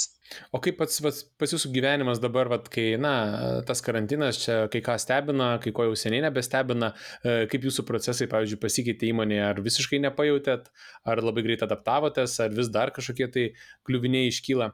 Na, aš galiu, aišku, visą laiką kalbėti tik tai asmeniškai apie kitus visą laiką sunku pasakyti, bet bendras įmonės vaizdas tos, kad tikrai labai lengvai adaptavomės į darbą iš namų. Kažkiek, aišku, visi procesai lėčiau vyksta, bet negali sakyti, kad tenai ar, ar, ar sustoja, ar tenai stringa viskas ir toliau tęsiasi. Update'ai toliau žaidimą mišiai eina. E, sugebėjom nuotoliniu būdu irgi išleisti Ocean's Heartą tai darbai vyksta as usual, tik tiesiog keistas dalykas, kad ne per seniausiai, na jau senokai iš tikrųjų persikėlėm į naują ofisą, bet aš jame buvau praleidęs tik tai vieną dieną. Tai realiai kaip ir, kaip ir tas naujas ofisas jau, jau pusę metų pas mus kabo, bet, bet sakau, iš jų, jų tenai pabuvau vieną dieną. Aš kodėl klausiu apie karantiną, nes e, aš kaip suprantu, visas Ocean's Heart, ar beveik visas procesas buvo jau e, daromas, vykdomas būtent tokiam sąlygom, daugiau mažiau, tai uh, teko pastebėti dar prie žaidimų išleidimą Ocean's Heart trailerį, kuris buvo, na, tikrai ir įdomus, ir įtraukiantis, kur mergina garsina, pagrindinė veikėja, e, garsina savo nuotikius ir kalbasi tarsi su žaidėju ir apie savo tą istoriją pasakoja ir ten su atsukimais laiko, su įdomiais tokiais momentais. Tai įdomu, kaip, kaip buvo, kaip vyko tas kūrimas to, to trailerio, jeigu galima papasakoti kažką. Tai tą trailerio idėją sugalvojau, aš tiesiog kilo mintis kažką padaryti. Nu, visų pirma, pradėsiu nuo to, kad sugalvojom dalyvauti vadinamajam šaukeise tai buvo Vescapis, toks yra puslapis, darė jisai savo indį kaip ir parodą, mes nusprendėme ten dalyvauti. Ir mano mintis buvo, kad tiesiog nedaryti standartinio trailerio, tai tiesiog padaryti jį kažkuo įdomesnį. Tai visų pirma kyla idėja padaryti su, su, su kažkokiu garsinimu, su personažu.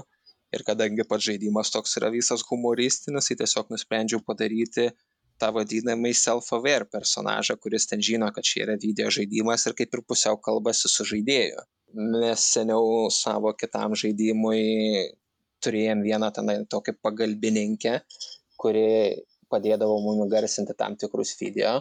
Aš ją buvau įsiminęs, atsiminiau, kad jos labai gražus balso tembras, tai tiesiog pasiūliau jai dalyvauti.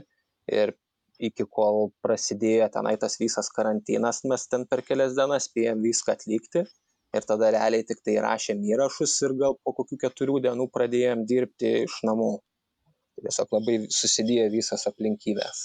Geras, bet tikrai geras ir traileris. Žinant dabar jo sukūrimą, tikrai rekomenduoju daugeliu pasižiūrėti ir, ir tikrai tikėtina nustepsit. Dar įdomus dalykas, sakau, kad tenai ta garso aktorė nėra kažkokia profesionalė, jinai turi gražą ir tikrai labai balso tembrą ir tenai tiesiog mūsų vieno iš dizainerių mergina buvo. ir dar vat įdomus faktas, vienas dalykas irgi kaip, kaip ir, ir, ir žaidimai, ir tie patys traileriai gyvena savo gyvenimą, tai mes padarėm tą trailerį su įgarsinimu.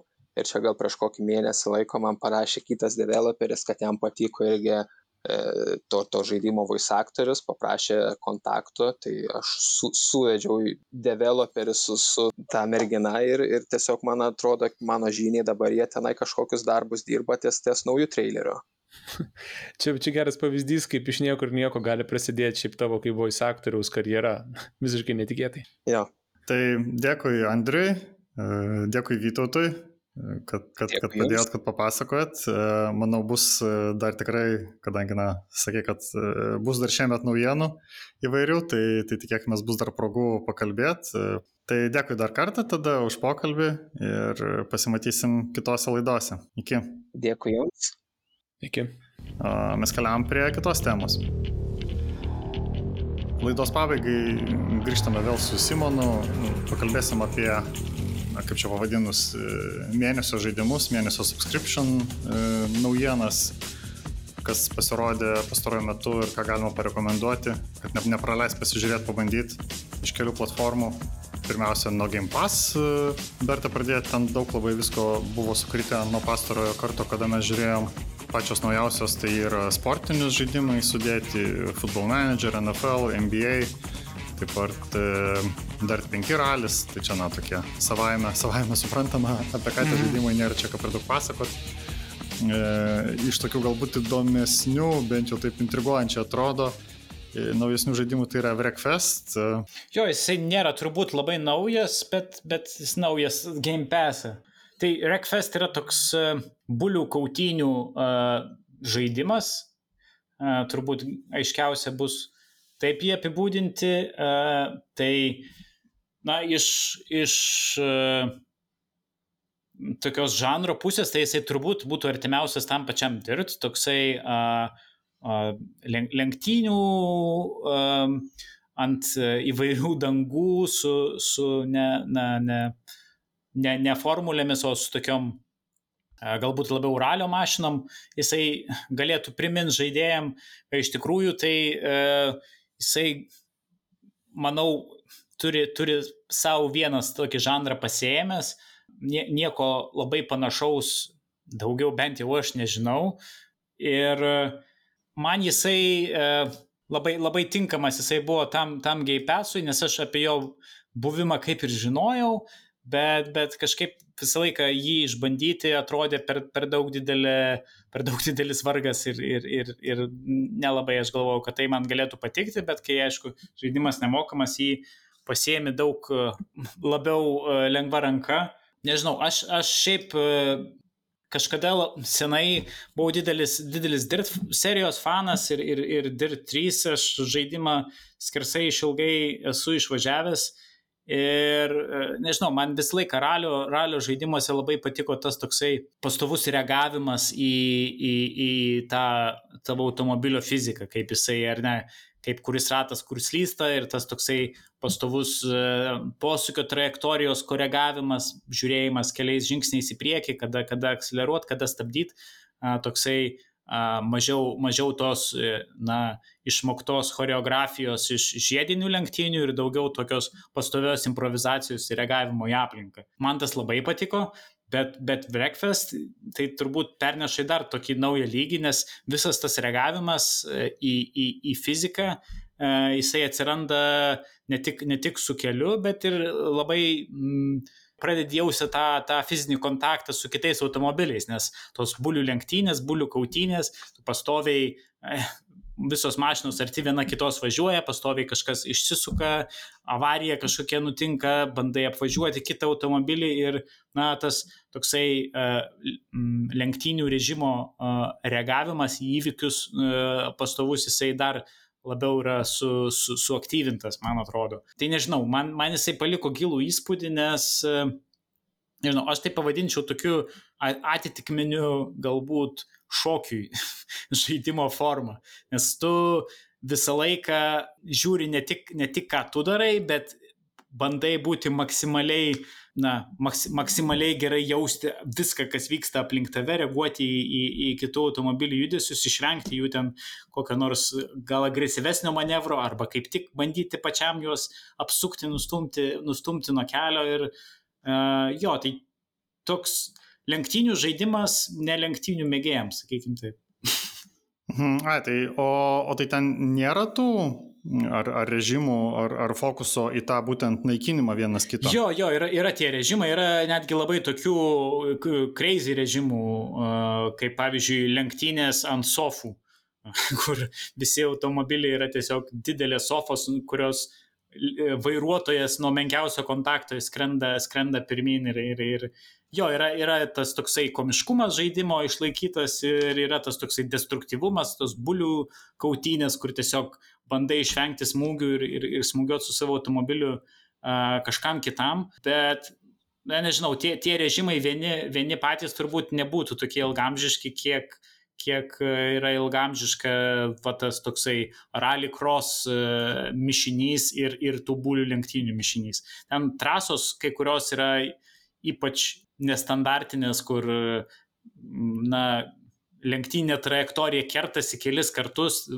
maksimaliai tą, tą, tą riziką, kad keli automobiliai susidurs padidindama arba, pavyzdžiui, tiesioji lenktynėse eina ta pačia, to pačio kelio atkarpa ir automobiliams judantiems pirmin ir atgal. Tai, na, hmm. pastoviai reikia turėti tokį E, nuovokumą, net, pavyzdžiui, jeigu pirmauji lenktynėse ir važiuoji visų priekį, tai dar nereiškia, kad kažkas keistoj situacijoje nesirėž tau iš šono. Na ir tuo pačiu, kai važiuoji antras, trečias ar ketvirtas, e, visą laiką neprarandi vilties, kad kažkokia nesėkmė ištiks kažką priekyje važiuojant e, irgi. Tai tas, tas toksai chaosas ir chaoso suvaldymas, na, nežinau, aš manau, jau iš, iš mano apibūdinimo turėjo būti aišku tiem, tiem, kas mėgsta tokį, tokį chaosą, kad čia yra žaidimas būtent jiem. Jo, jo, aš dabar dar pasižiūrėjau, kaip aš kažkaip nepamačiau Xbox skaitydamas aprašymo, gal to sakinio nebuvo, kad e, čia tie kuriejai, studija Bugbear, e, mhm. jie anksčiau darė Flat Out tokią seriją. Taip. E, kuri tikrai senai buvo, bet, nu, aš prisimenu, žaidžiau ir ten būdavo tas, tos varžybos, specialus režimas, kur tau reikėjo kuo toliau išmesti pro langą sustabdžius e, vairuotoją. Ir, žodžiu, jisai turėjo nuskristi kuo toliau. Tai, ta prasme, nelabai gal gražu. Bet, nu jo, jie tokį išskirtinį, išskirtinį susikūrė e, savo sti, stilių tokį ir nuotaiką. Buvo, būtinai reikės tada man įsidėti į sąrašą. E, dar vieną žaidimą galima šiek tiek porą sakinių paminėti, kuris irgi netaip senai pasirodė Game Pass, tai Falconeer, tai yra praėjusiu metu žaidimas, jisai įdomus to, kad jisai sukurtas vieno žmogaus, Tomas Salas ir yra nu, labai didelis palyginų žaidimas. Toks, na, fantasy pasaulyje, kur tu skraidai ant erelių ir, žodžiu, ten vykdai įvairias misijas ir, na, viską, viską kas susijęs su oro, oro kovomis, sakykime taip. Aš kažkaip tikėjausi, kad jisai, na, bus toksai ten tiesiog labiau kaip pasaka ir labiau fokusuotas gal nežinau kažkokią istoriją, bet jis yra toks labai iš tikrųjų kaip nu, oro simulatorius ir, ir, ir pakankamai sudėtinga ten jį valdyti ir pagauti tas visas galimybės, kiek ten jų yra. Tai iš principo žaidimas, nu, skirtas tiem, kas mėgsta lėktuvų žaidimus, ko gero, taip reiktų apibūdinti. Mm. Tai, tai rekomenduoju pas, pasižiūrėti, nu, tikrai, kaip vieno žmogaus darbą ir kaip, na, kaip galima interpretuoti va tą tokią, atrodo, labai siaurą e, lėktuvų e, žaidimų žanrą. Mm. Erelių simulatorius. Nu, toks visiškai jo, fantasy yra skraidimo ant erelių simulatorius. Tai jo, žiūrėsim, ką, ką, kaip toliau ten kas vystysis, ką tas kuriejas padarys. Dar vienas toks iš turbūt didesnių, svarbesnių žaidimų, aš pats nežaidžiau, e, nes aš šiaip nu, tokių multiplayerių nesu labai didelis mėgėjas, bet, na, girdėjau, kad vis apie jį kalba e, dabar, kadangi, na, tie tokie multiplayer survival žaidimai labai populiarūs, e, tai vadinasi Project Winter. Jis yra dar iš 2019 žaidimas, bet, na, tarsi vėl iššoko į tokį fokusą po Among Us, ko gero sėkmės čia galima taip mhm. susijęti, e, nes jis irgi yra kartu ir survival, ir kartu ir tas deception žaidimas, kur viskas vyksta tokia, na, kaip šiauriai, e, atšiaurioj tokioj teritorijai, kur reikia daug e, visko, na, rinkti, gamintis ir, ir, ir vykdyti įvairias užduotis tiesiog, kad išgyventum nes yra visokių gamtos pavojų, vilkai puola, ten audros ir taip toliau, o dar be šito, e, iš tų vat, aštuonių žmonių, kurie žaidžia, e, dar yra ir tarp jų yra, nu kaip ir Amonkas, yra na, apgavikai, kurie, kurių užduotis yra neleisti jums išgyventi ir, ir pabėgti. Mm, jis toks, na, la, skiriasi nuo Amongas, nes yra toks 3D žaidimas, stilizuotas, aišku, 3D, bet E, gali būti toks visai pasirodyti įdomus, pasibandyti. Jo, aš, aš šiaip e, labai, nors, nors pats tokių žaidimų nelabai mėgstu, tų socialinės dedukcijos žaidimų, kur, kur kažkas gali būti išdavikas ir reikia išsiaiškinti ir įtarinėti ir meluoti viens kitam ir kenkti tam tikrais atvejais, bet man atrodo, čia mes matom tokius gal pirmuosius, na, sėkmingus, sėkmingus projektus ir neišvengiamai po jų seks visa eilė kitų žaidimų, kurie irgi nori šitą mechaniką pritaikyti kompiuteriniuose žaidimuose, kurie jau taip gana gerai įsivešėjusi tarp, tarp stalo žaidimų buvo, o dabar jinai na, pamažu taip ateina ir į kompiuterinius. Tai grinai iš, iš to žanro pusės, tai turbūt čia tas Amongas ir, ir Project Winter pirmieji tokie rimti pavyzdžiai, kurie kurie vėliau gali išsivystyti į, į, į na, visą pilnavertišką žanrą, ar ne, socialinių, socialinių žaidimų, tokių uh, nedėlių trumpų sesijų, ne, ne, ne MMO, tokių mi, min, miniaturizuotų. Gali, gali išsivystyti į uh, atskirą žanrą uh, socialinių žaidimų, kurio, man atrodo, mes šituose žaidimuose matom ištakas. Jo, nu čia kas įdomu, kad jie tokį kaip ir naują būdą atneša žaisti. Mm -hmm. Ir čia labai geras, kad, kad tu mm, su, sulyginai su stalo žaidimais, nes tikraigi. E, aš tai sakau, nei to mangas, nei, nei šito nelabai ne, ne mėgstu, nes aš kažkada persižaidžiau mafijos. Ir man paskui, nu tiesiog aš ne, ne, nebegaliu jo žaisti. Nors dar kartais, nu, kompanijų draugai nu, pasiūlo, bet aš visą laiką atsisakau.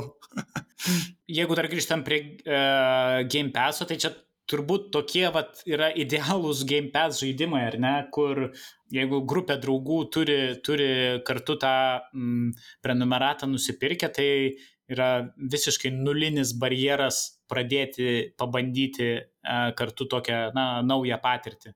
Ir kalbant, kalbant apie draugus, tai čia geras perėjimas prie kitos tokios, na kaip ir naujienos. Net nežinau, prie kur ją pridėti, bet e, populiarėti pradėjo, aš kaip suprantu, toks dalykas kaip Friends Pass, mhm. kurį jau e, vis, vis pamatau. Tai vienam, tai kitam žaidime. Tai šiuo atveju kalbu apie The Dark Pictures yra tokia serija ir jos antras žaidimas Little Hope, tai čia tokia kaip na siaubo, sakykime, žaidimai, tokie pusiau filmai netgi, kaip sakyčiau, mm. kur valdydamas įvairius veikėjus tu nu, turi, bandai išgyventi įvairiose situacijose. Ir dabar šito žaidimo kuriejai pasiūlė būtent kovo mėnesį tiem, kas jau turi šitą žaidimą, pasikviesti nemokamai draugą vieną su va, būtent to Friends Pass funkcija ir kartu pražaisti visą žaidimą tiesiog tam, tam draugui reikia parsisiųsti, na, demo versiją ar kaip čia, nu, bandomąją versiją, būtent to Little Hope žaidimo ir tada kartu galima va tokiu vienu praėjimu praeiti tą žaidimą kartu. Ir kas įdomu, kad tai veikia na, visose e, ankstesnės kartos konsolėse, nu, tiksliau, tai veikia PlayStation 4 ir Xbox konsolėse ir taip pat kompiuteriuose. Mes, mes kaip tik žaidėm su Andrium, e, jo vašia mūsų kolega, bet jau kart, kartu sėdėdami žaidėm pirmąjį žaidimą Man of Midan. Tai mhm. tikrai, nu, vienam, aš nežinau, ar būtų labai įdomu žaisti, bet, bet jau dviesi yra visai kitas, kitas toksai pasigavimas, nes nu, tu ten skirtingus gali priimti sprendimus ir nuo to labai priklauso, kas, kas toliau bus. Jo, jo. Tai tokiem žaidimam, kurie yra sukurti pirmiausia žaisti keliese ir ne, neturi kažkokio labai patrauklaus vieno žaidėjo režimo, Tai čia toksai turbūt vos nebūtinybė tampantis dalykas. Tarkim, yra tokia studija Hazelight, e, kuri na, dabar panašu, kad išimtinai kūrė kooperatyvinius žaidimus dviem žaidėjams, tai jie skūrė A Way Out ir, ir netrukus išleis Takes Two žaidimą, tai jie taip pat turi šitą, šitą verslo, na, nežinau, verslo pardavimo modelį, kai norint žaisti dviese, užtenka vienos žaidimo kopijos, vienam žaidėjui reikia nusipirkti žaidimą, o kitas prie jo gali prisijungti ir, ir, ir peržaisti žaidimą kartu, na, lyg ir nieko nemokėdamas, nes, nes tą žaidimą galima peržaisti su neribotu kiekiu kitų žmonių, na, tiesiog jiem, jiem taip prisijungiant. Tai, tai jo, tai turbūt tokiem žaidimam ypatingai didelis tas barjeras, ar ne pradėti. Na, žaidimas atrodo įdomiai, bet su kuo aš įžaisiu. O čia toksai na, daug lengviau kažkam pasiūlyti žaisti žaidimą kartu, kai jam nereikia nieko pirkti. Nu, taip, taip, čia man atrodo, kažkaip šitas formatas turėtų e, populiarėti labiau, mm. nes, nu, kaip ir, e, kaip ir marketinginis įrankis labai geras. Jo, jo. Nežinau, galima, galima pridėti tai, kad Steamas neseniai Steamo kliento beta versijoje pridėjo galimybę žaisti remote play žaidimus, tai yra žaidimai, kurie vyksta ant vieno kompiuterio ir į kitą kompiuterį yra streaminami e, vaizdo formatu ir, ir iš kito kompiuterio yra gaunamas žaidėjo na, inputas, ką jisai daro su kontroleriu ar klaviatūra. Ir, ir taip galima žaisti local multiplayer žaidimus nesant vienoje vietoje. Tai Steamas e, šitą funkciją pridėjo e, netgi žaidėjams, kurie net neturi Steam paskyros visiškai. Tai, žodžiu, atsiunti, atsiunti draugui nuorodą, čia mes galim pažaisti žaidimą, jisai ten atsisiunčia tą Steam appsą, bet, bet jam nieko kažko papildomai kurti nereikia ir jūs jau žaidžiat kartu. Tai man atrodo, žaidimų, kurie labai ieško tokių vad būdų, kaip galima tą žaidimą atverti žaidėjams, kurie galbūt nebūtų žaidę, bet na, tas, tas socialinis toksai pasiūlymas, ypač dabar karantino metu, yra labai, labai paveikus ir labai jisai E, gali greit pritraukti tam tikrą žmonių grupę, kurie kitaip nebūtų žaidę. Dar trumpai noriu apie Epic Games e, parduotuvę pakalbėti. Mm, kaip tik, kalbėjom apie jos nemažai naujienose, bet o, kadangi dabar turim savaitinę laidą ir kaip tik sutampa, kad būtent ketvirtadieniais e, Epicai atnaujina savo parduotuvę, turiu galvoje atnaujina savo parduotuvę ir pasiūlo nemokamą žaidimą savaitėjai, Klausimas, kiek iš šitą tęs, bet būtent nuo šiandien iki kovo 18 e, e, siūlomas žaidimas Surviving Mars. Tai yra 2018 strateginis žaidimas, e, kurį sukūrė, ha, nežinau kaip teisingai ištart, Hemimont, Hemimont rašosi Games. Jie žinomi dėl Tropiko serijos, ko gero labiausiai. Na ir tas, na, Surviving Mars yra toks kaip City, city Builder žaidimas Marse labai nu, lengva apibūdinti. Tai tiesiog e, atsirandi Marse, kuris e, beje rašo, kad yra labai detaliai sukurtas pagal tikrą Marso topografijos, e, na, žinau, žemėlapius, turimus vaizdus ir tiesiog kuri ten savo koloniją ir bandai išgyventi. lipdydamas ten tą miestelį po truputį ir turi tokį kaip masko, masko simulatorių.